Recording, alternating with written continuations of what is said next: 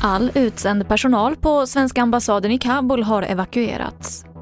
Misstänkt skottlossning i Borås. Och Lärarnas riksförbund vill att man vaccinerar barn ner till 12 års ålder. TV4-nyheterna börjar med att alla UD-utsända vid ambassaden i Kabul evakuerades igår kväll lokal tid.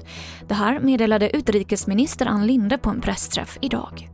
Totalt 19 personer evakuerades ut ur Afghanistan igår kväll lokal tid, samma dag som instruktionen skickades från utrikesdepartementet. Evakueringen har skett med helikopter och flygplan till en amerikansk militärbas i Doha, Qatar. Vår ambassad i Doha arbetar med att ordna med de förnödenheter och det stöd som behövs för att ta hand om vår personal.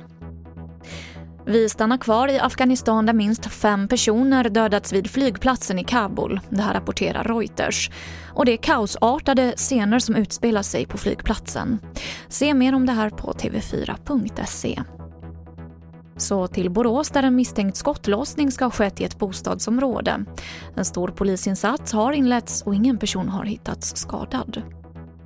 Och vi avslutar med att Sverige borde låta barn ner till 12 års ålder vaccinera sig mot covid-19.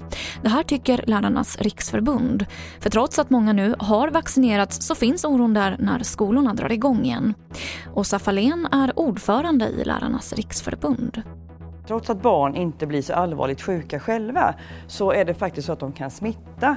Och det är klart att då behöva befinna sig i ett klassrum med eh, 25-30 elever och det är ganska trångt och det är svårt att hålla avstånd så ökar naturligtvis risken och därav oron. Men det här handlar också om eleverna. Alltså en, en skakig skolgång har ju en negativ påverkan på din hälsa ur ett längre perspektiv och det måste man också väga in.